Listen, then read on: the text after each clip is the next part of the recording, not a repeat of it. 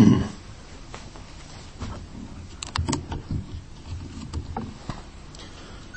الحمد لله نحمده ونستعينه ونستغفره ونعوذ بالله من شرور أنفسنا وسيئات أعمالنا. من يهده الله فلا مضل له ومن يضلل فلا هادي له.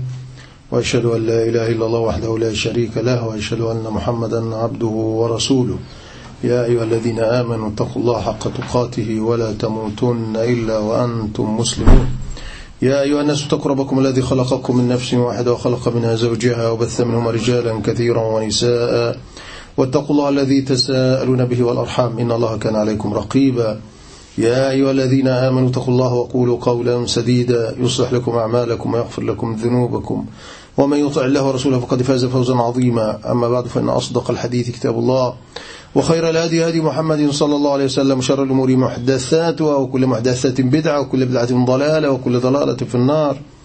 الإخوة المكرمون نحن لاقي مع اليوم السابع عشر من شهر جمادى الثانية لسنة 1440 من الهجرة النبوية المباركة ونحن اليوم مع مسك الختام من سورة الشعراء مع المشهد العشرين الأخير من هذه السورة الكريمة. يقول الله تعالى هل أنبئكم على من تنزل الشياطين؟ تنزل على كل أفاك أثيم. يلقون السمع وأكثرهم كاذبون. والشعراء يتبعهم الغاوون. ألم تر أنهم في كل واد يهيمون وأنهم يقولون ما لا يفعلون إلا الذين آمنوا وعملوا الصالحات وذكروا الله كثيرا وانتصروا من بعد ما ظلموا. وسيعلم الذين ظلموا أي منقلب ينقلبون. هذا هو المشهد الأخير المشهد العشرون من سورة الشعراء الذي سندندن حوله بإذن الله تعالى. قلنا إن هذه السورة الكريمة سورة مكية. ها نحن أولئي قد وصلنا إلى ختامها.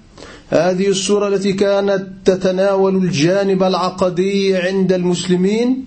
هذه السورة التي كانت تسلية وترضية وبشرى أيضا للمؤمنين وتقريع لهؤلاء الظالمين. استعرضنا كوكبة من المرسلين. كوكبة من الرسل وهم يعاندون من هؤلاء الظالمين هؤلاء المشاغبين على الرسل.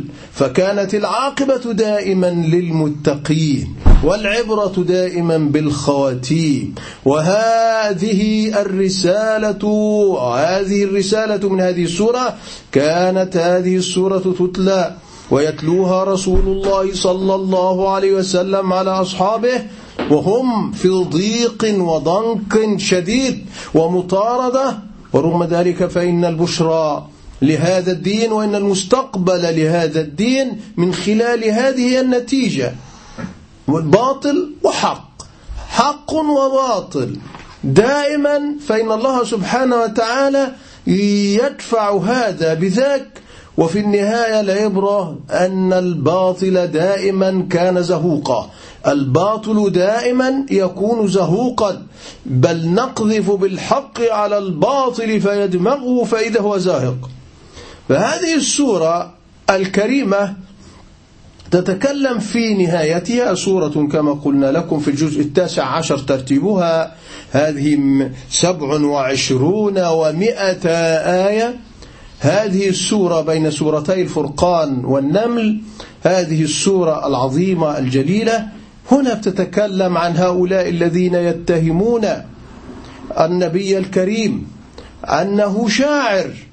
وأنه تتنزل عليه الشياطين وأنه ربما يعلمه جن أو أعجمي أو افتروا على رسول الله صلى الله عليه وسلم.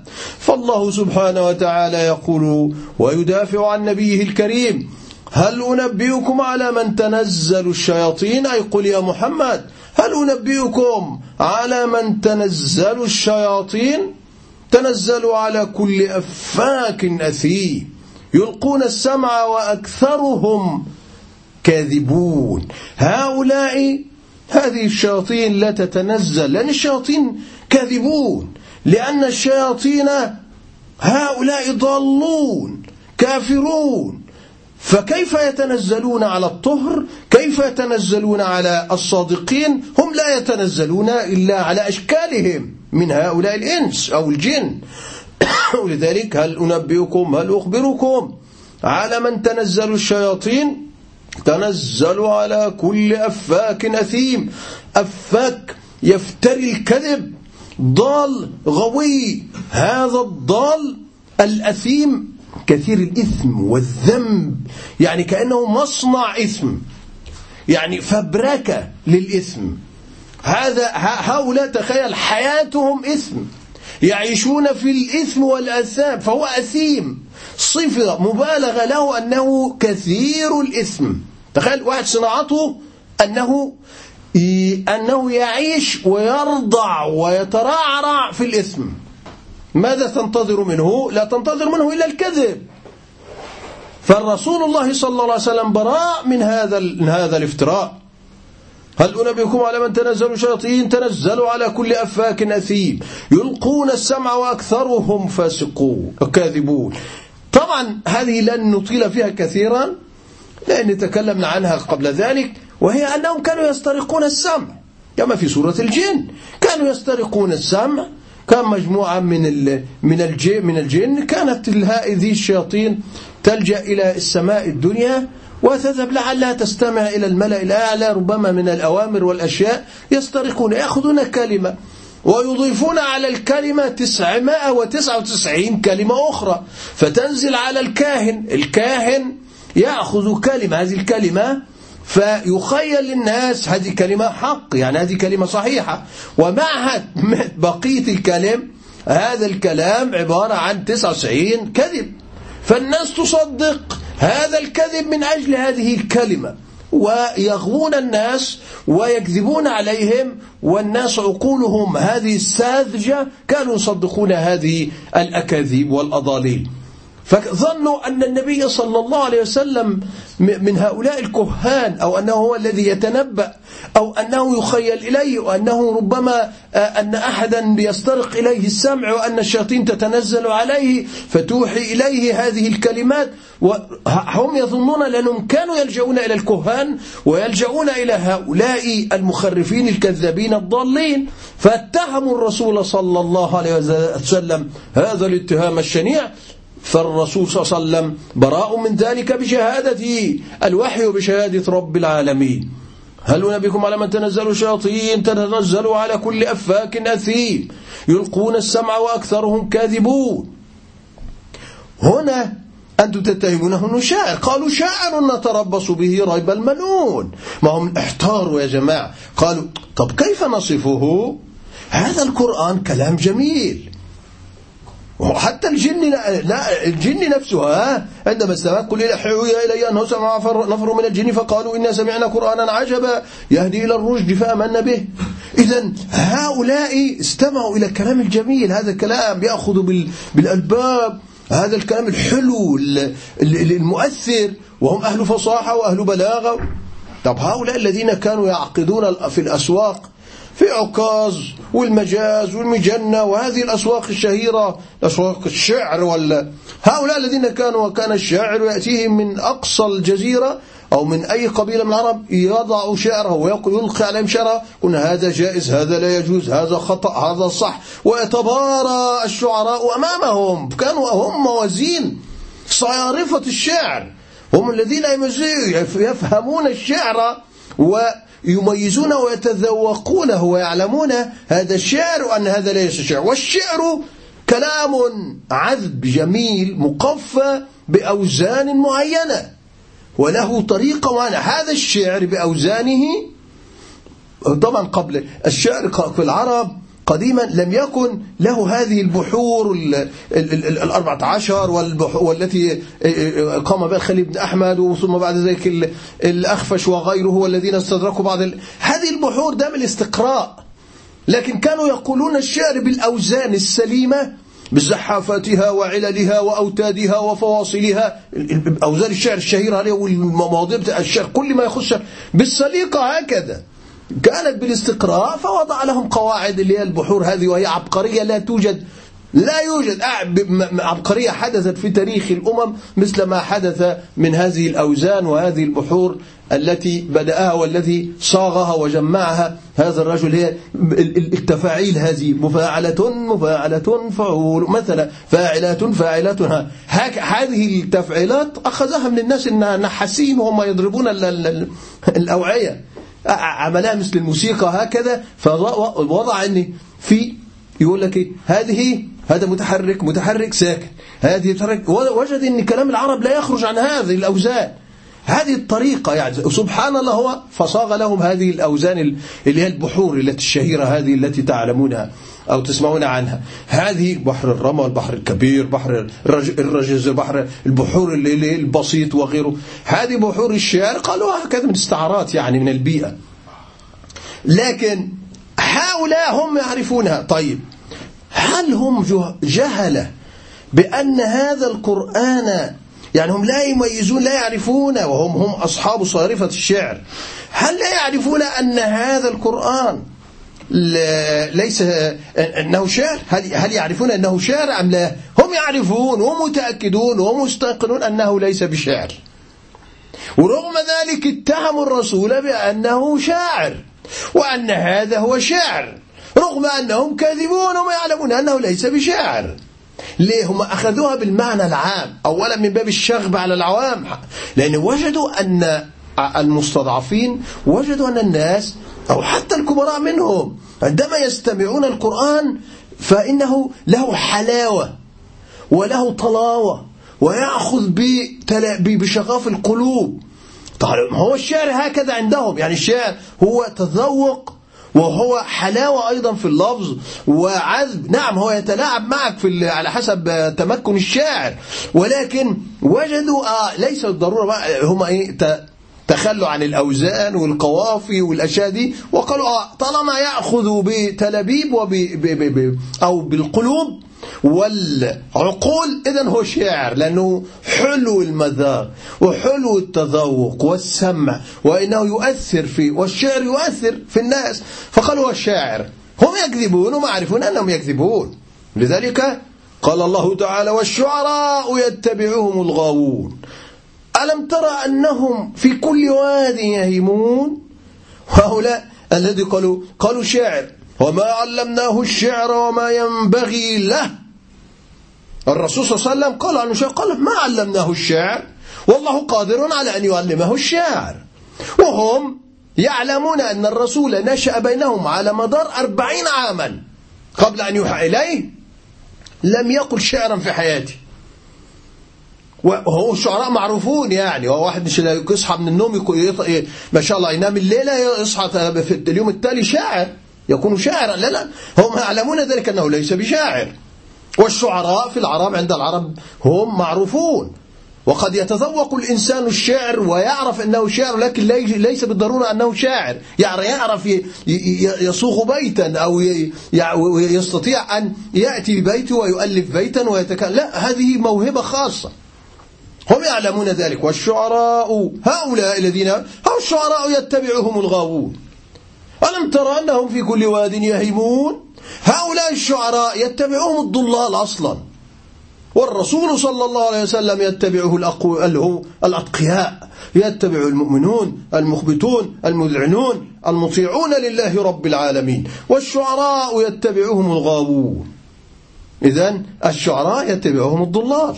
ويتبعهم هؤلاء هل هل القرآن الكريم تجده ليس في كل واد يهيم؟ حاشا حاشا لله سبحانه وتعالى. هؤلاء مر هذا الشاعر إذا غضب عليك يذمك ويصوغ فيك قصيدة ترديك المهالك. وإذا رضي عنك فإنه يمدحك حتى لو لم بكذب بالضراء حتى لو أنت لا تستحق ذلك. آه، خلاص هو مبسوط منك. يمدحك وينزلك إيه منازل لا تدخلها. يصفك بالشجاعة والكرم وكل شيء. وهو إيه هو هذا الشخص في في حد ذاته. هذا شخص جبان رعديد ربما كذاب أشر. لا لا ليس بهذه الصفات ولكنهم في كل واد يهيمون. وادي كأن وادي بين جبلين ها في هذه المساحة هذه الوادي في وادي يعني مرة يذهبون إلى هنا ومرة يذهبون إلى هنا يعني يهيمون يعني لا يستقرون على حال. فيتبعهم الغاوون ليه؟ لأن يتبعون الغاوون من باب مثل الألتروس مثل المتحمسون هؤلاء. هم يشجعون الشاعر حسب الأهواء. آه هذا هو. ثم مرة ثانية ممكن يمدح الشخص نفسه ها. كما فعل كان كان الشعراء يفعلوا مثل المتنبي مثل ابو الطيب. كان يمدح كافور ويسميه ابا ابا الطيب. أبو كافور هذا الاخشيدي كان عبدا خصيا وكان رجل لكنه كان يصفه المؤرخون احقاقا للحق يصفه المؤرخون والإخبارون أنه العبد الفحل لأنه كان يحمي بيضة الإسلام. نعم كان هو كان كافور الإخشيدي في ذلك الوقت في الدولة الإخشيدية كان قيما على اللي هو القائم بالملك. كان كان صبيا صغيرا اللي هو محمد بن توغ الإخشيد فكان في الدولة تكاد تنهار. فهو كان اللي هو قيم الوصية عليه فكان هو الذي يسير الجيوش ويخاطب الروم ويخاطب الناس في بلاد النوبة. والشام كل الناس تأتيه والشعراء كان مثل الملوك ملوك يعني ملك ملك يعني. والشعراء يأتون ويمدحونه والناس تأتي ويقوم بالجهاد أيضا. لا تحسبوا أن هؤلاء المخصيون فكريا وعقديا وسلوكيا. الذين يذمون كفور الإخشيدي كفور الإخشيدي كان كان فحلا فعلا لكنه كان من الناحية الجسمانية كان من من من الخصيان يعني في هذه هي. ولكن مدحه كان طماعا يعني أبو الطيب المتنم كان طماعا يريد أن يوليه ولاية يعطيه أي شيء. مدحه مدح كان أبو كان رجلا الإخشيدي كان عبدا أسود كان شديد السواد. فكان الشعراء يصفونه بالمسك. يكون بأبي المسك ينادونه أبا المسك. المسك يعني عشان اللون يعني. من باب إيه؟ اللون لوني سوادي اللي هو سواد المسك كما كان عنترة يقول. فهو انت بتعبون لوني فلوني لون المسك. يعني بتعبون المسك يعني؟ الريحة الجميلة هذه. فكانوا يلقبونه. هو قالوا لا مسك إيه؟ لا أنت لست ابا المسك. أنت ابا الطيب كله.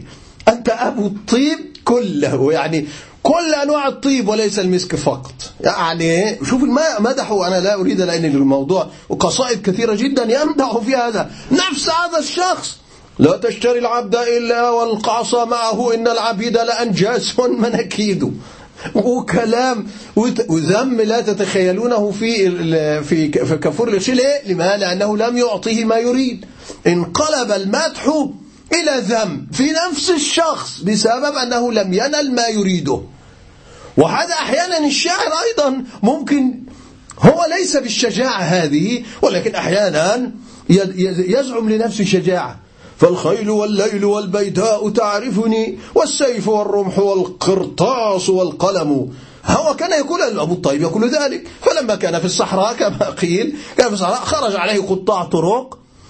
فأراد أن يفر قال له العبد الخادم يعني خادمه قال يا سيدي ألست القائل؟ فالخيل والليل والبيداء تعرفني والسيف والرمح والقرطاس والقلم. قال والله لقد قتلني العبد. فراح قاتل حتى قتل. فصارت مثلا يعني لأنه حراء قال مش أنت اللي بتقول فحب يعمل نفسه شجاع فقتل لأنه ليس بالشجاع. إذا ألم ترى أنهم في كل واد يهيمون وأنهم يقولون ما لا يفعلون؟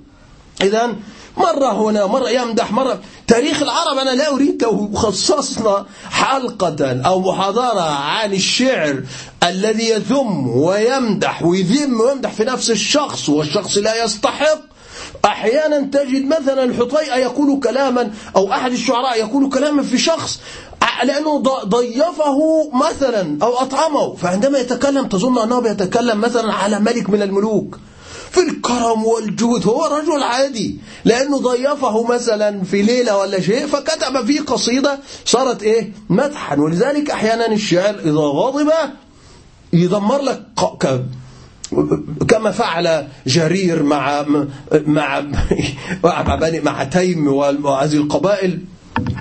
إذا غضبت عليك بنو نمير حسبت الناس كلهم غضابا. ويتكلم على كلام في غد طبعا في الشرع لا يجوز هذا. لا يجوز هذا الشتم وهذا السب وهذا التعيير وهذا. الرجل أهلك أمما وقبائل بشعره لأنه كان دعاية بوق إعلامي ضخم جدا. ألم ترى أنهم في كل عارف لو أرضوه تلاقيه يمدحه.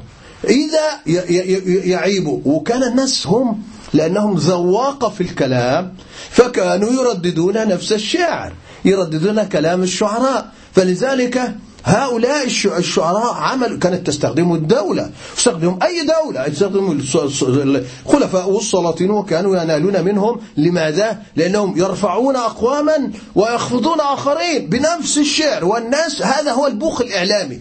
ماكينة آلة إعلامية ضخمة اسمها الشعراء. والشعراء يتبعهم الغاوون. ألم ترى هؤلاء الضلال يتبعون أي لعلنا نتبع السحرة إن كانوا هم الغاوين. يعني هم الغالبون. يعني إذا كانوا هم الغالبين يعني. ف... ف... فالناس بتتبع الغالب وتتبع الخاوي الذي على الهوى ما يوافق هواها وذلك يقول الله تعالى وشعراء يتبعهم الغاوون. أن ترى أنهم في كل واد يهيمون. يهيم. والذي يهيم لا يعرف أين يسير. مرة هنا مرة هنا يعني مرة يمدح مرة يذم مرة لا لا ينضبط حاله. فهل رسول الله صلى الله عليه وسلم على هذا الحال كما في هؤلاء الشعراء الذين بين أيديكم وتسمعونهم؟ هؤلاء الغاوون هؤلاء الضلال هؤلاء الذين يضلون الناس. هل رسول الله كذلك؟ هل هو في كل واد يهيم؟ هل القرآن في كل واد يتكلم هنا وهنا بمثل هؤلاء المجانين وهؤلاء الذين عندهم أكاذيب وأضاليل ويكذبون عليكم وأنتم تعلمون أنهم كذابون. لأن العرب كانت تفعل ذلك وتتأكد بذلك. أنها تقول هذا كذاب. لأنهم يعرفون الشخص الذي يمدحه ليس فيه ذلك. وذلك الوفد الذي قيل في الوفد الذي جاء إلى الرسول الله صلى الله عليه وسلم. كانوا شعراء يتبارون. قال له ما تقول في فلان؟ قال إنه سيد القبيلة يا رسول الله. سيد القبيلة. قال, الله قال والله يا رسول الله ما أنصفني. هو مدحه قال سيد القبيلة. قال والله ما أنصفني. قال له وقال قال وما تقول؟ كيف لم ينصفه؟ أنه قالوا سيد القبيلة. يعني مدحه أنه سيد القبيلة. قال والله إنه يعلم أنني فوق ذلك ولكنه أنزلني. فوتني قالوا والله يا رسول الله لقد صدقته إنه سيد القبيلة. ولكنه إذا أصر على ذلك فوالله إنه للئيم الأب لئيم الخال لأنه خبيث النفس. بخيل كذا. وأعطى صفات. قال والله يا رسول الله لقد صدقت صدقته في الأولى ولم أكذبه في الثانية. صدقته لما ما, ما كنت راضيا. ولم أكذبه في الثانية لما أغضبني. فالرسول صلى الله عليه وسلم قال إن من البيان إيه لسحرة. بص عمل غير لك المزاج في حالتين في وقت واحد. رغم أنه صدق في هو يعني يقصد أنه صدق في الحالتين. يعني قال هو هو سيد القبيلة ولكن لم يأتي بالصفات الأخرى. يعني فهمت؟ خلاص اسكت. الثاني قال هذا أنا أكبر من هذا. يعني هو يريد إيه؟ يقول سيد القبيلة ورجل كريم النفس هذا أبو الكرام أبو الشجاعة يريد الصفات الأخرى. ثاني اقتصر على سيد القبيلة وأنت وجد سيد القبيلة لست شجاعا ولست مثلا كريما. انظر ذكاء العرب فهد. وهؤلاء شعراء. الزبرقان ابن عمرو وابن أبو الهيثم. والمجموعة كانت جاءت وهم شعراء كبار يعني في في ذلك الوقت. فقال الله, الله سبحانه وتعالى فيه مجموعة من الشعراء جاءوا إلى رسول الله صلى الله عليه وسلم. هؤلاء هؤلاء مجندون ديانة وعقيدة يدافعون عن الإسلام. والرسول صلى الله عليه وسلم كان وضع منبرا خاصا لحسان بن ثابت ليهجوهم وقال له اهجوهم وروح القدس معك. لا كيف إن والشعراء يتبعهم الغاوون أن أنت لم ترى أنهم في كل واد يهيمون وأنهم يقولون ما لا يفعلون؟ فالآية هذه كانت يعني طامة جاءوا يبكون. كعب بن مالك وكعب زهير بن أبي سلمى والمجموعة من كعب بن زهير بن أبي سلمى وحسان بن ثابت مجموعة من الشعراء وعبد الله بن رواحة قيل أنهم جاءوا إلى رسول الله صلى الله عليه وسلم بعد هذه. على أساس إن طبعا هي الصورة مكية وهؤلاء كانوا فين؟ فربما كان هذه السورة تليت أو أن جزءا منها كان يعني لأن هذه السورة مكية وعبد الله بن رواحة وهذه المجموعة كانت في المدينة. فكيف يقول الرواية؟ لأن هذه رواية موجودة في هذا الأصل. لكن على أي حال ربما تليت هذه الآيات وهي في مكة فهم فهموها فالرسول صلى الله عليه وسلم نزل عليه الاستثناء الإيماني. قال هذا ليس لكم أنتم. هذا لهؤلاء ال... هذا خاص بهؤلاء الضلال الكذابين للشعراء الكفار والمشركين أو الشعراء الذين يكذبون في كل زمان ومكان. إلا الذين آمنوا. أربع شروط. إلا الذين آمنوا وعملوا الصالحات وذكروا الله كثيرا. وانتصروا من بعد ما ظلموا وسيعلم الذين ظلموا أي منقلب ينقلبون. أربع شروط لتكون شاعرا حقيقيا. هؤلاء هم الذين آمنوا وعملوا الصالحات. كحسان بن ثابت كعب بن مالك وكعب بن زهير بن أبي سلمى وحتى الشعراء الذين أسلموا كانوا كفارا وأسلموا كابن الزباعرة والزبرقان ومجموعة هؤلاء أسلموا فيما بعد هؤلاء مع أنهم كانوا يؤذون النبي صلى الله عليه وسلم وهؤلاء يؤذون. وهؤلاء الذين رد عليهم أيضا رد عليهم حسان ورد عليهم كعب بن زهير بن أبي سلمى ورد عليهم كعب بن مالك فيما بعد. هؤلاء هم المستثنون ومن على شاكلتهم إلى قيام الساعة. لما وقف يرد على ابن الزبارة عندما قال له قال أتهجوه ولست له بكفء؟ فشركما لخيركما الفداء. فإن أبي ووالده وعرضي لعرض محمد منكم وقاء لساني صارم لا عيب فيه وبحري لا تكدره الدلاء. ده حسان بن ثابت رضي الله عنه ها؟ كان بيدافع عن رسول الله صلى الله عليه وسلم. ها؟ هو هو صاحب اللي بي بي في كلام في في دواوينه كلها دفاع عن الإسلام دفاع عن رسول الله اللي هو إيه؟ و إلا الذين آمنوا وعملوا الصالحات وذكروا الله كثيرا كانوا يذكرون الله كثيرا حتى في شعرهم وفي دفاعهم. وانتصروا من بعد ما ظلم. يعني انتصروا على هؤلاء الكافرين وعلى هؤلاء الشعراء الذين يهاجمون الإسلام ويهاجمون رسول الله صلى الله عليه وسلم ككعب بن ما كعب بن الأشرف وغيرهم وهؤلاء الشعراء الجاهلية الكفار قريش الذين كانوا يذمون النبي صلى الله عليه وسلم ويذمونه ويقدحون فيه ويقدحون في الصحابة وينقدونهم هؤلاء كانوا ظلموا انتصروا من بعد ما ظلموا. أي ظلمهم هؤلاء الشعراء المجرمون هؤلاء الكفار أو الضالون؟ وسيعلم الذين ظلموا أي منقلب ينقلبون. سيعلم هؤلاء كلمة الذين ظلموا هنا وهي ماشية تأتي في سياق الشعراء. ولكن سيعلم الذين ظلموا عامة. الذين ظلموا أنبياء الله. الذين ظلموا أتباع الرسل الذين ظلموا عقيدتهم ودينهم والذين ظلموا هؤلاء. انظر كلمة. أي منقلب ينقلبون؟ خلي بالك كلمة أي منقلب شديدة. الانقلاب الانقلاب غير المرجع. أنا أقول لك مرجعك نعم قد يكون المرجع النار يعني يرجع إلى النار سيرجعون إلى الله. آه مردهم إلى الله. لكن المنقلب هو نفس المرجع ولكن إلى الأسوأ. لأنك الذي لا تتوقعه يعني يقول لك هذا انقلب يعني من حال إلى حال. حصل له انقلاب. هذا إيه؟ المنقلب. سيعلم الذين ظلموا أي منقلب. انظر ابهمها للتبشيع. وعندما ينكرها فاعلم أن الأمر خطير حتى تتصور أنت وفي في دماغك تقول أي منقلب؟ النار طبعا جحيم العذاب الهول كل ما تدخل تبشيع. اي هذا عدم عدم ذكر النار هنا من باب التبشيع. عدم ذكر المرجع المنقلب ماذا سيحدث له من الذل والصغار؟ هذا من باب التبشيع. ومن باب إن المسألة تخليك أنت تسرح كثيرا وتقول أي منقلب؟ هذا منقلب مرعب يخليك تظل إنك تتخيل ما هو المنقلب. كل واحد يتصور هذا هو المنقلب. لهؤلاء الظالمين. فهكذا هذه الصورة الكريمة أنهت هؤلاء هذه فلعلك باخع ألا يكونوا مؤمنين. هؤلاء الذين كنت يعني تظن تقتل نفسك من أجل الإيمان بهم كنت حريصا على هدايتهم. هؤلاء الذين ظلموا هؤلاء الذين طردوكم هؤلاء الذين يعني شردوكم وشغبوا على دينكم واستهزأوا بك وبأصحابك. وهؤلاء الذين سخروا من القرآن الكريم وقالوا عنك كل هذه الأكاذيب والأضاليل واستعانوا بالكهان واستعانوا بهؤلاء الضلال.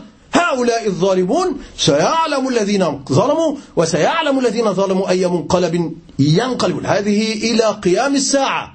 سيعلم؟ نعم سيعلم. وقد علموا هؤلاء في أيام الرسول صلى الله عليه وسلم أي منقلب في بدر على طول بعدها مباشرة انقلبوا إلى الذل والصغار وقبرهم الرسول وضعهم في هذا البئر وهؤلاء النتنة وسيعلم إلى قيام الساعة أي ظالم أي منقلب سينقلب. أقول قولي هذا وصف الله لكم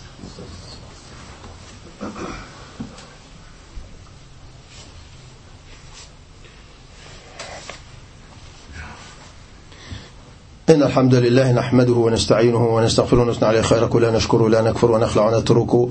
ما يفجر اللهم إياك نعبد ولك نصلي ونسجد إليك نسعى ونحفد نرجو رحمتك ونخشى عذابك إن عذابك الجد بالكفار ملحق وأشهد أن لا إله إلا وحده لا شريك له وأشهد أن محمدا عبده ورسوله وبعد. طبعا ما كنت طبعا انتهينا من المشهد الأخير من سورة الشعراء المشهد رقم 20 من سورة الشعراء. وطبعا أنا ما استطعت أنا في الأحداث كانت كثيرا نعلق ولكن قلت لا بد أنا أجلت هذه الخطبة الأخيرة عدة مرات فقلت لا بد أن يعني ننهيها ثم بعد ذلك إن شاء الله لكل حديث حديث كل جمعة إن شاء الله. فنتوقف يعني عن التفسير حاليا إلى أن يعني نأخذ نلتقط أنفاسنا وخاصة الأيام حبلى بالمصائب والكوارث للأسف الشديد. فهذا الأسبوع أكبر حادثة أكبر فجيعة هو ما يحدث في مصر. يعني هي الف...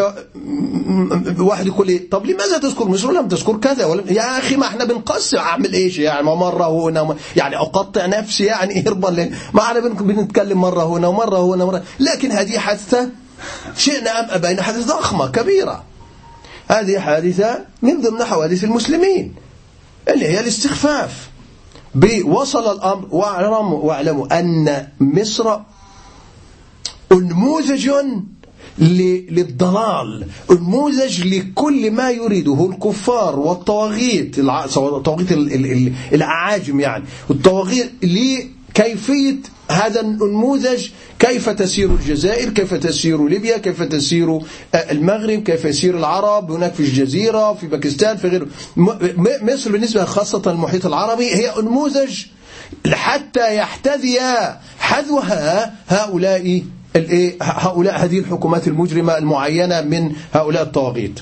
ولذلك يهتمون بها باعتبارها الدولة العربية الأكبر في الكتلة السكانية في الموقع الجغرافي مهم جدا وعندها كمية كبيرة من الشيوخ وعندها كبيرة من كل ما تتخيلوا من مصر يخرج منها أم الدنيا طبعا زورا يعني بالمنظر ضحكوا على المصريين واكتشفوا أن أم الدنيا حاجة أخرى يا جماعة. أم الدنيا نعم أم الدنيا في الفساد نعم في بالنسبة للدول العربية. أم الدنيا في الضلال نعم. أم الدنيا نعم في الشيوخ وفي العلم نعم فيها من الفضلاء ومن الشيوخ ومن أهل الخير. نعم هذا لا ننكره في أي دولة. ولكن نحن نسلط الضوء على الشيء البارز الآن. طبعا البعض ربما يقول لي طب ما تبدأ بالرجل اللي اعتلى مكة ما أنت نسيتها الأسبوع الماضي. يا رجل هذا زبون عندنا إن شاء الله على طول. لا تنسى هي قصة ما اعتلى سطح الكعبة. هي هذه مصيبته. الرجل هذا يوالي الكفار يغير دين الإسلام. الرجل نجس جزيرة العرب.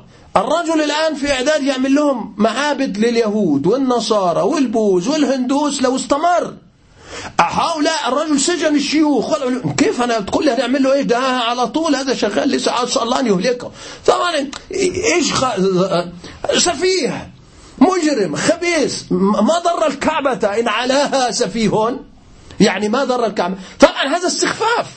حتى أباؤه وأجداده ما اجترأ واحد فيهم أن يصعد على الكعبة. هو طبعا هو يقصد أنه بيتفقد أحوال الأبنية هذا هو الذي في بعض الذين نصحوه بأن يفعل. أغبياء مثله ما هو بالله عليك. سفيه سيج... من من هم الذين سيحيطون به؟ مجموعة من الحمقى ومن السفهاء والضلال والمجرمون. مرتد خبيث خائن خاؤون وحتى ليس عنده من الذكاء بأنه يفعل مثل هذا يستفز الناس. عادي ولذلك سيهلكه الله سبحانه وتعالى. لكن نعم الصعود على الكعبة نعم ما حدث للصعود على الكعبة.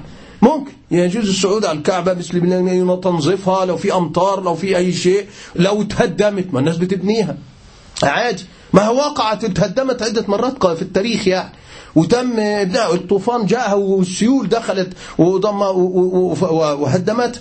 عبد الله بن الزبير رضي الله عنه لما أراد أن يرجعها على ما كان عليه في عهد النبي صلى الله عليه وسلم كما قال في حديث السيدة عائشة فعمل وهد وبنى وعملها كما كان. ثم جاء عبد الملك بن مروان ورجعها مرة أخرى وبعد ذلك قالوا خلاص لا حتى لا إيه تكون لعبة في هذه الحكام يغيرها كما كيف يشاء واستقر الوضع على ما هو الآن. فنقصد الصعود بلال صعد وأذن فيها فيها. لكن كانت لها هيبة وحيثية من حيث أن ما في ملك كان يصعد فوقها. ولا في أي حاكم من حكام المسلمين. زي كانوا يحكمون بما أنزل كانوا لا يحكمون. حتى حكامهم حتى أبائهم ما كانوا يفعلون ذلك. ما هي المصلحة؟ أنه يستفز الناس ويعرفون أن هذه مكان مقدس. المشكلة أنهم صاروا أعلى من الكعبة كما قلت لكم. صاروا أعلى من الكعبة. هذه هذه الأبنية الضخمة هي أعلى. الكعبة صارت مثل علبة الكبريت يا جماعة. وأنا قلتها عدة مرات. إيه هذا تقليل من شأن الكعبة. الكعبة عندما كان الناس يلجؤون إلى مكة كانوا يرونها من بعيد. تخيل البكاء. الناس كانوا يبكون من على بعد أمتار وكيلومترات وهم يرون الكعبة من بعد كانت أعلى مكان في المنطقة.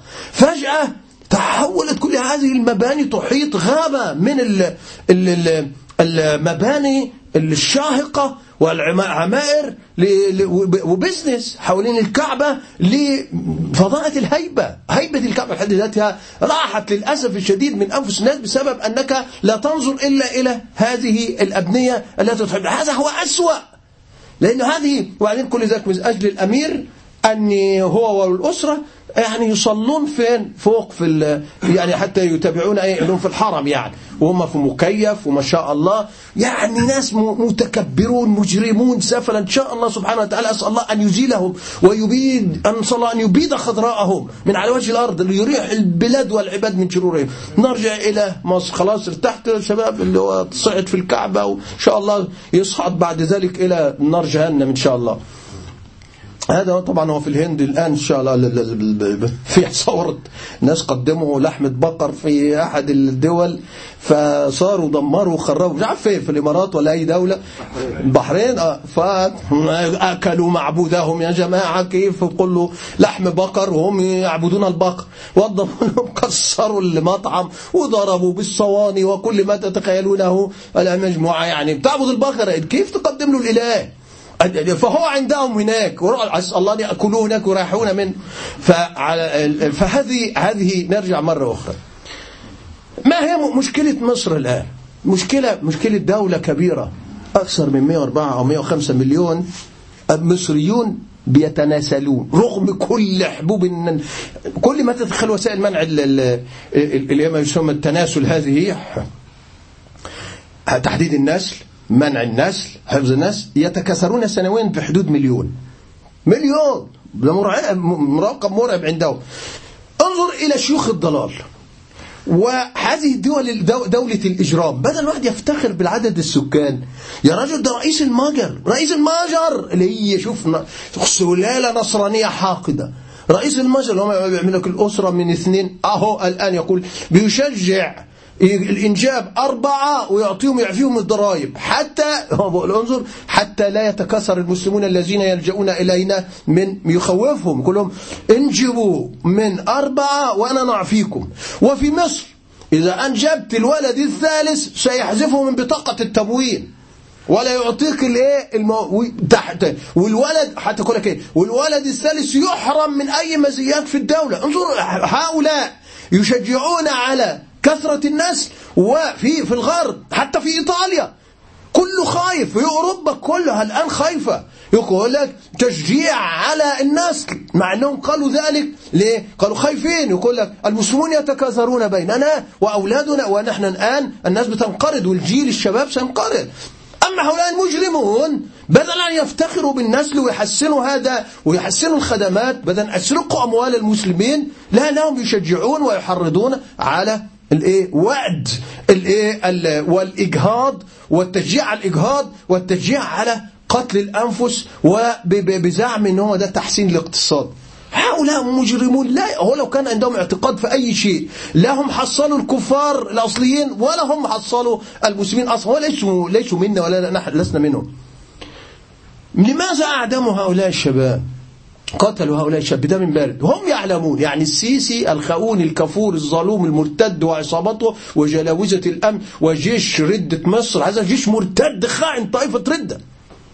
ومعهم طبعا عندما أقول الجيش يعني الشرطة وكل يعني كل هؤلاء لأن الشرطة هذه أو جهاز الداخلية عبارة عن كتيبة تابعة كتيبة في ثوب مدني يعني. كتيبة تابعة للمخابرات اللي في الجيش مخابرات الحربية. يعني لا تظن أن الجيش القوة نعم هم أقوياء ولكن الجيش يسحقها سحقا.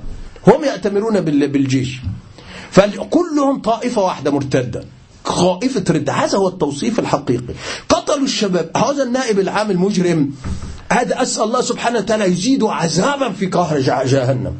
هذا المجرم كان شوف النائب العام المفترض هو نائب عن الشعب حتى في التوصيف القانوني. هذا هؤلاء لا تجد وكيل نيابة.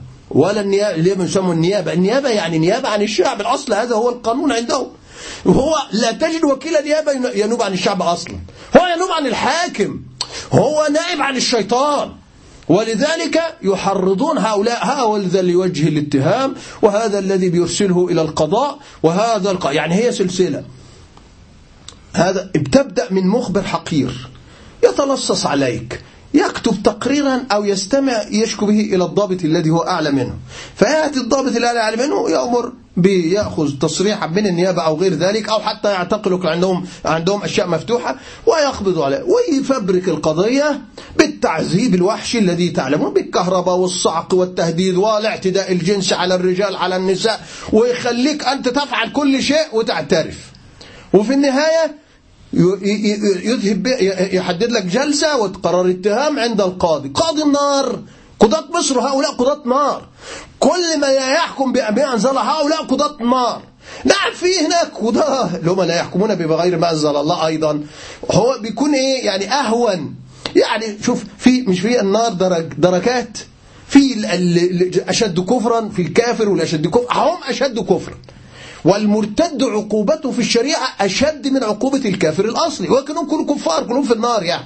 ولكن في النهاية إن هم هذه إيه في واحد كافر شديد فيها واحد إيه أقل منه ولكن كلهم سواء يعني.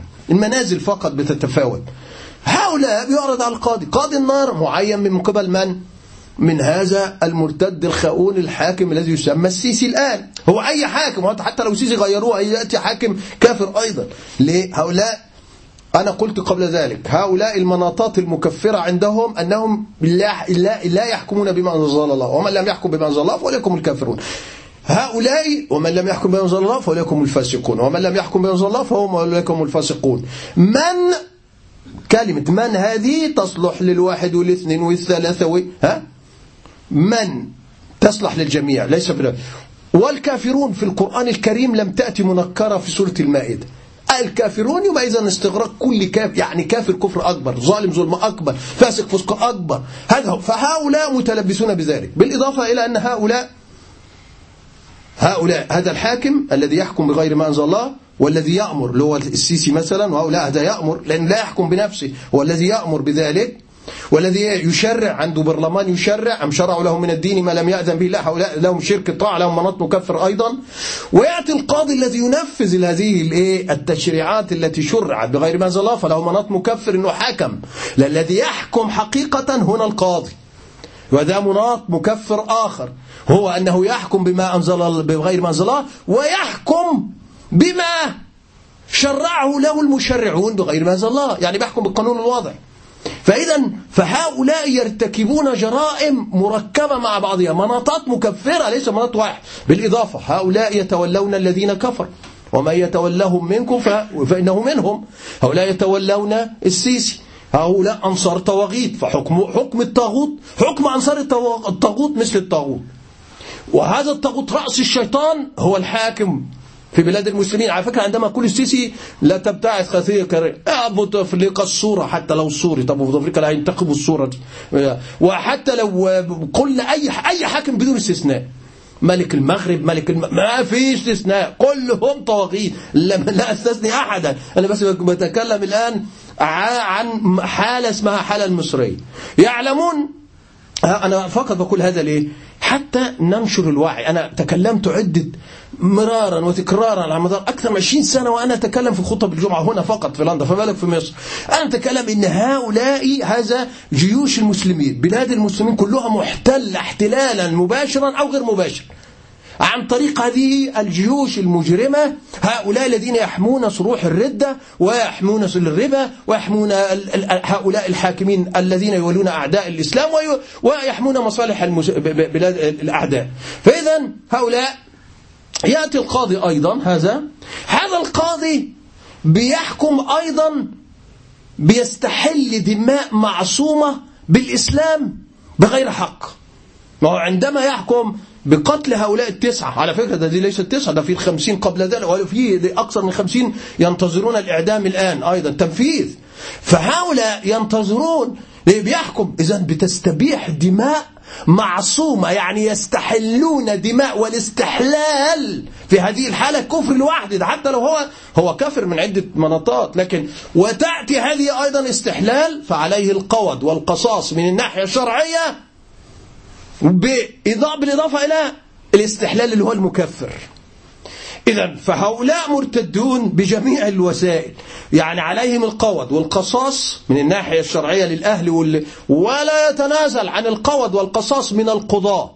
ومن من شارك سواء من الجو من المخبر الذي الذي هي البداية من المخبر ولذلك الناس بتغفل عن المخبرين.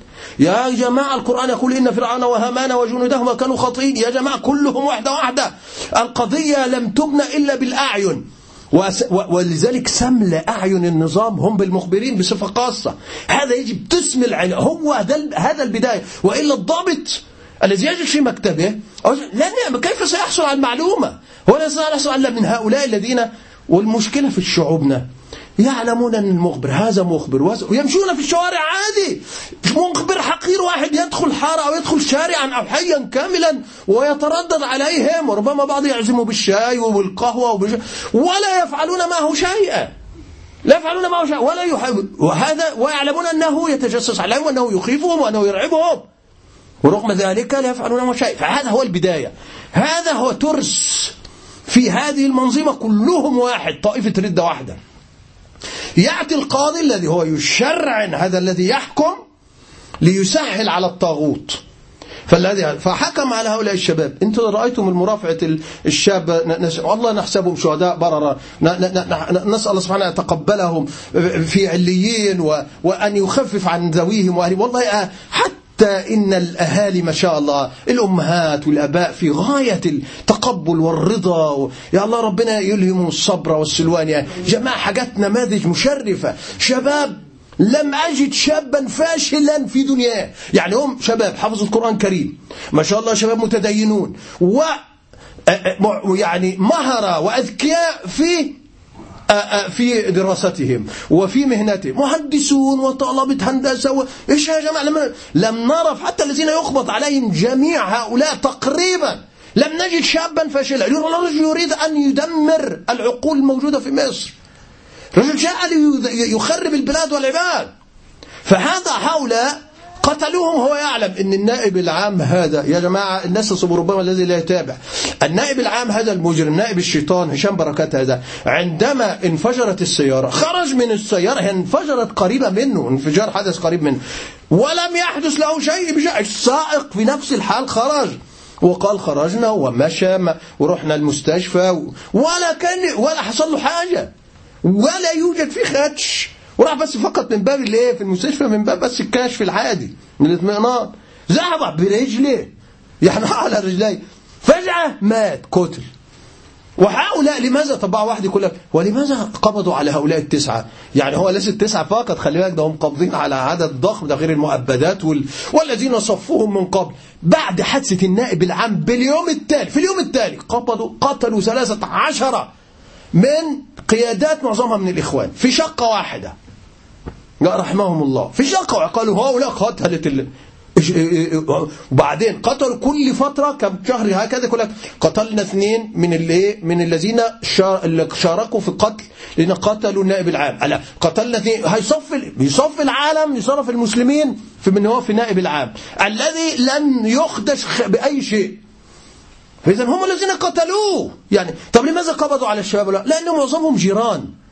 لأنهم ساكنين في نفس المنطقة في الحي يعني معظمهم كانوا جيران لهذا السفاح المجرم اللي هو اللي كان اللي هو النائب الشيطان هذا النائب العام. هذه هذا هو المبرر. وبعدين هو لا من أسر محترمة أسر يعني وضعها الاقتصادي جيد وكل شيء يعني ليسوا من ال... من أي شيء يعني ما شاء الله. ورغم ذلك ولا شاب هو إيه يقول لك شاب متدين. خلاص يبقى هو إرهابي. مشروع إرهابي أي شيء. وهذا هو لاحظوا هذه هي هذا جيش الاحتلال مصر. لا تقول لي ان السيسي لوحده لا لا لا. هؤلاء الضباط وهؤلاء الذين في قنوات ما يسمى قنوات تركيا هذه الذين يدافعون عن هؤلاء عم يقول لك إحنا لا نقصد الجيش. أصل الجيش فيه شرفاء. لو في شرفاء كان فعلوا مثل فعل الضابط هشام العشماوي. الذي قبض عليه رحلوه وهو الآن نسأل الله سبحانه يخفف عنه. الآن في في في بين يدي جلاوزة الأمن هؤلاء. يفعلون مثل ما فعل هشام العشماوي الذي قبض عليه من درنا ربنا ينتقم من حفتر وممن ساهم احتلوا وقتلوا الشباب أبرياء وهذا يتحمل دماء درنا أيضا. هؤلاء ولي معهم ما ما ما إن شاء الله بعدين حتى لا أطيل. في حكومة طرابلس هذه التي خذلت هؤلاء أصلا بصفة خاصة وتركت هذا الكلب الحقور هذا العقور الحقير اللي هو المرتد هذا اللي هو حفتر يحاصر ويستفرد بهؤلاء الأبرياء بهذه المدينة التي لفظت الايه لفظت الغلاة الخوارج المجرمين. ثم بعد ذلك قتلهم وسفك دماء هؤلاء الأبرياء. طيب يفعلوا لو كان في جيش مصر مشرفة يفعلوا مثل ما فعل خالد الإسلامبولي رحمة الله عبد الحميد عبد السلام حسين عباس يفعل مثل ما يفعل القريفاني يفعل مثل ما فعل هؤلاء الضباط سيد موسى وغيره. مجموعة كانت فعلت يعني قامت بالواجب الشارع عصام القماري رحمة الله عليه. لو في لكن العام تم إخصاء الجميع يا جماعة. أنا علي حكم الغالب. لا تقول لي أصل في ضابط سجنوه والآخر اعترض عمله هذا اسمه علينا الحكم الغالب. من الذي إذا أمر ها إذا أمر فيطاع. السيسي إذا أمر يطاع. من الذي ينفذ ويقتل ويسفك الدماء ويحرس ويبطش بالشعب. هل السيسي بينزل يضرب بنفسه ولا الجنرالات هم الذين يضربون؟ أم الجنود؟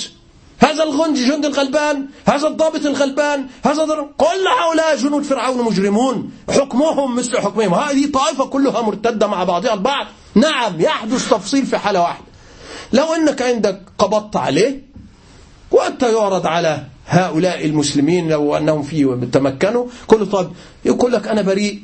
تنظر في حكمها. تستفصل لماذا دخلت؟ هل عليه جرائم؟ هل هو من كبارهم؟ ثم تستفصل منه ما الذي أدخلك من ربما عنده إكراه عنده شيء يعني مانع من موانع تكفيره مانع من موانع أنه هو انضم لهذه الطائفة. هذا في حكم القضائي الاستفصال عند الإيه؟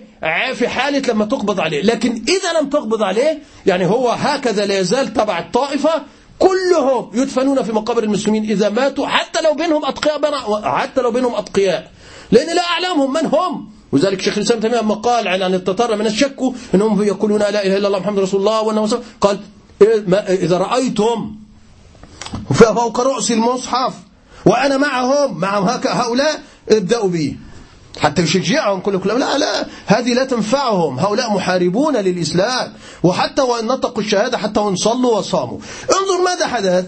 بعد أن قتلهم بلا رحمة هم يعلمون. والشاب الذي دافع في المحكمة يقول للقاضي هذا الكلب المجرم الظلوم لابد حفظ هؤلاء الأسماء.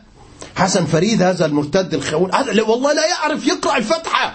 لا يعرف حتى يقرأ الآية التي يستند بها على الحكم الشرعي. تخيل. لا يعرف. أعاجم يا جماعة يحكمون بلاد المسلمين. في صورة أنه هو اسمه مسلم أو عربي أو مصري. ورغم ذلك كله يقول له أنت اعترفت يا محمدي أعتقد هو الذي كان يدافع الشاب ما شاء الله الذي كان يدافع عن نفسه. قال له لو أنت هات لي أي أحد وضعه في حجرة الآن وأعطيني صاعقا وأنا أصعقه وأنا أجعلكم يعترف أنه قتل السادات يعني لو كيف واحد عمالين يصعقونا ويعذبونا عذاب الهول وأنا هات لي أي حد وأنا وأجعلك الآن أخليه يعترف إنه قتل السادات. عادي ما ممكن فعلا أصلا الناس الذي لم لم تسجن ولم ترى الهول والعذاب لا يتخيلون هذه المسألة أحيانا العذاب يصل يقول لك أوقع على أي اوقع ماذا تريد أيها الضابط؟ أي قل لي أنا هوقع. يا جماعة ده بعض الناس كانوا يقبضون عليهم. منه في البداية هكذا. يضعون يجون خشبة ده, ده هذه حاجات بدائية. خشبة هكذا. كلها مسامير. ضع على يضعه على المسامير. ينيمه هكذا ويضع عليه الكرسي. اعترف فين فلان؟ تخيل مسامير داخلة يا جماعة أنا بحكي لكم حاجات حقيقية. اعتاء واحد بالمسامير ليه أنت فاكره حاوي مثلا من الحواء ويضغط عليه ويضغطوا عليه. هذا هي والكهرباء شغالة. الصعق بالكهرباء كيف؟ من الذي يطيق هذا؟ والعذاب في الخصيتين واحد يجاب في الحلمتين هذه بالكهرباء.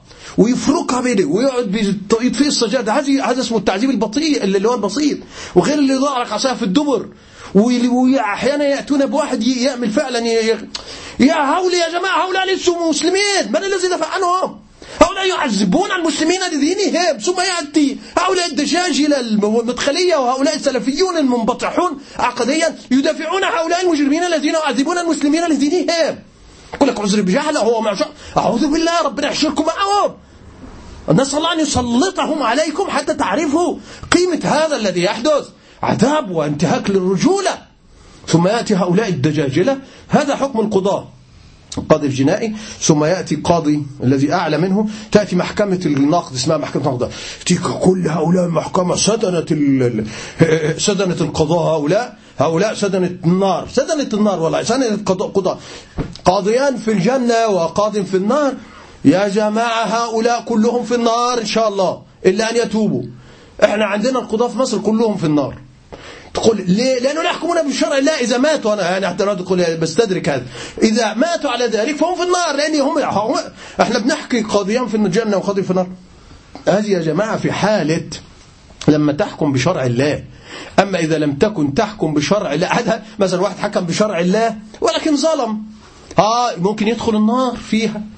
آه نعم ارتكب كبيرة مثلا في هذه الحالة. لكن هو أصلا لا يحكم بما أنزل الله. فهو في النار بجميع الحالات حتى لو صادف الحق حتى لو عمل أي شيء وهو الله يعاقبه لأنه فقط فقط لأنه حكم بغير ما أنزل حتى وإن صادف الحق نعم حتى وإن صادف الحق. لأنه لم يبتغي الحق هو بيحكم بإيه بمرجعيته بمصدره هو. ثم يأتي لاحظ تدرج مخبر يقبض يأتيك ثم بعد ذلك الضابط الأعلى والضابط الأعلى يوصل هكذا يعنيها ثم يوصلوها إلى النائب العام أو النائب العسكري. دلوقتي القضاء ما يسمى القضاء العسكري هؤلاء هذا ليس قضاء أصلا حتى بالقوانين الوضعية. هذا مع مجموعة ضابط بيتبع وزير الداخلية وزير الحربية عنده وزير الدفاع فلا يأخذ أوامره. اعدم هؤلاء ولا تعدم هؤلاء. هذا مؤبد بيقسموها قبل الحكم عادي معروفة يعني. ولكن كله الآن قضاء عسكري على فكرة كله. لكن هو قضاء شكلي مدني هكذا. ثم يأتي القاضي. يعملوا لك حاجة تمحك في الشريعة هنا. لا يحكمون بالشريعة ويلجؤون إلى الشريعة في حالة واحدة. يقول لك إحالة الأوراق للمفتي. اعلم إذا أحال الأوراق للمفتي يعني إعدام.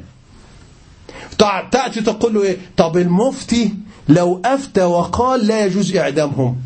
هل تأخذون به؟ يقول لك لا هو رأي استشاري. ألا؟ طب وماذا ترسلون إذا كان هو استشاري؟ طب وما دخل قانون وضعي ودولة مدنية كما تقولون؟ بالشريعة تتمحك فيه ليه؟ لذلك النصارى قالوا لهم طب ولماذا لا ترسلون الرأي للإيه؟ للقسيس؟ مع بقى مواطنة مش على أساس المواطنة؟ قال ارسل الأوراق لو يكون واحد نصراني لو افترض أن نصرانيا مثلا آه، آه، حكم عليه بالإعدام ولا شيء. يقول لك إيه؟ أن ارسلوا هل توظف لا لا في القانون لا يوجد هذا النص ليرسل للمفتي. ها؟ هذا المسلمين النظام العام في مصر لأنه إسلام يعني يقصد مسلمون يعني ولا لا يوجد حاجة في الشريعة ولا يوجد إسلام ولا حاجة. هو حلية فقط لتشرعنة الإعدام. هل المفتي استثنى حتى الآن معظم هذه القضايا؟ وافق عليها المهدي المفتي المجرم مهدي علم هذا. كل مرتد هذا هذا المجرم شريك في كل الدماء سواء رأيه استشاري أو غير استشاري لأنه هو بيوافق. لأنه بيقول إيه؟ وقد جاءنا الرأي من السيادة المفتي وكذا وقد وافق والثاني بيوافق إيه؟ لا يوافق بالقانون الوضعي قل له وهذا هؤلاء محاربون ومفسدون وهؤلاء ينطبق عليهم قول الآية وخر الرسول. بيشرعن له الذي هو لم يشرعنه هو نفسه بيحكمه بالقانون الوضعي هو يلبس له الأحكام الشرعية. فالمفتي هذا أضر وأشر من هؤلاء جميعا لأنه هو الذي يشرعن الباطل وهو يشرعن الكفر. فهو خ... هذا مرتد كفور يستحل دماء معصومة باسم الإسلام. هذا المفتي يكون مفتي واحد في مصر لا يوجد عدة مفتي. هو المفتي الأكبر يعني الذي يفتي في في تبع للحكومة هو مفتي السيسي يعني مفتي العسكر يعني. ثم عنده دار إفتاء. انظر إلى دار الإفتاء يا جماعة. آخر شيء والله ملت من هذه البلد والله أسأل الله سبحانه وتعالى أن يزيل هؤلاء الطواغيت وأن يتحرك شعب مصر. كفى يا جماعة؟ الرجل عدوان على الدين وعلى العقول وعلى النفس وعلى المال وعلى كل شيء وعلى مقدساتكم. متى تقومون يا شعب؟ متى؟ متى تتحركون؟ معقول كل هذه الآلاف اللي في السجون أنا إذا كنت أخاطب الشعب المصري أنا أخاطب أيضا كل الشعوب. على فكرة ليس أحسن يقول لك إحنا أحسن منهم لا. أنا فقط كل الشعوب تقريبا إلا يعني الشعب عندك في سوريا الشعب يعني بعض الشعوب قامت يعني. لكن مثلا في ليبيا قاموا في اليمن عملوا ولكن احتواء تم احتوائهم. ولكن على أي حال أنا بتكلم عن الشعوب الركنة خالص لا يوجد عندها أي شيء. المفتي تدخل في صفحة الفيسبوك. دار الإفتاء. في عندهم دار اسمها دار الإفتاء عاملاها عاملين لهم صفحة في الفيسبوك. انظر ما كيف تفتق ذهن هؤلاء الكفار المجرمين. والله يا جماعة كفار أبي لهب ولو في دولة من دول البوز والهندوس لن يفعلوا ذلك. عملوا صورة رسموا الصورة إعلان هو اسمه إعلان يعني. يجيب لك صورة واحد لابس جلبية قميص أبيض ولافف نفسه بحزام ناسف وملتحي وما بين اثنين كأنهم قابضين عليه. وصورة أخرى فيها رقم كول يعني اتصل يعني بالتليفون وصورة واحد ملتحي أيضا يعني صورة يعني إذا علم اقبض على هذا الشخص. من هذا الشخص؟ هو لا يقول سين ولا مجين هو بيقول لك هذا هو. طب النموذج اللي يقوى ده يعني أي شخص بيرتدي الزي الهدي الظاهر بلغ عنه. تخيل! هذا يقول واحد مرتدي قميص أبيض ويلع شوف الصورة. حزام ناسف. ولحية تخيل لو كانت هذه صورة قسيس. كان تخيل أيها السيرة من سور النصر كانوا ماذا سيفعل؟ تواضرس ويفعل الكنائس عندهم في مصر أو حتى على مستوى العالم. يأتي وهذه منين؟ ليس من هذه ليست من الشؤون المعنوية للمخابرات الحربية أو من الإعلام الخسيس. هي من دار الإفتاء. طبعا ما هو الذي يحركهم أيضا المخابرات لكن أنا بتكلم على هم شيوخ. ورغم ذلك يحرضون على الهدي الظاهر. يعني لو رأيت سيدة محجبة ممكن تبلغ عنها الأصل أنها مشكوك فيها. لو رأيت شخصا شابا ملتحيا ويرتدي هذا القميص أو بهدي الظاهر هذا الأصل في البلاغ. يعني الأصل أنه إرهابي. يقول لك إيه؟ البلاغ عن الإرهابي يجب البلاغ عن الإرهابي من هو الإرهابي؟ يجيب لك الصورة. والله ادخلوا يا جماعة انظروا الصورة. صورة في غاية الاحتقار والإجرام والضلال والتحريض على قتل المسلمين بمجرد الشكل باللبس. والله لم لم تفعلها بريطانيا يا جماعة. لم يفعلوها في الغرب مثل هذا. إيش هذا يحدث في بلاد المسلمين؟ هذه تبع مشيخة الأزهر يا جماعة. الناس هذه دار الإفك. دار الإفتاء دار الإضلال دار أبي لهب. هؤلاء لاحسوا أحذية الطغاة ولاحسوا أحذية الطواغيت. هؤلاء حشرهم الله مع السيسي مع الطاغوت هذا ومع جيش احتلال مصر. نسأل الله سبحانه وتعالى أن يبيدهم ويخلص البلاد والعبادة من شرورهم. أقول قولي هذا واستغفر الله لي ولكم. نسأل الله العظيم رب العرش العظيم أن يتغمدنا برحمته وأن يغفر لنا ولكم وأن ينصر الإسلام وعز المسلمين في كل مكان. أقول قولي هذا واستغفر الله لي ولكم والسلام عليكم ورحمة الله. أقم الصلاة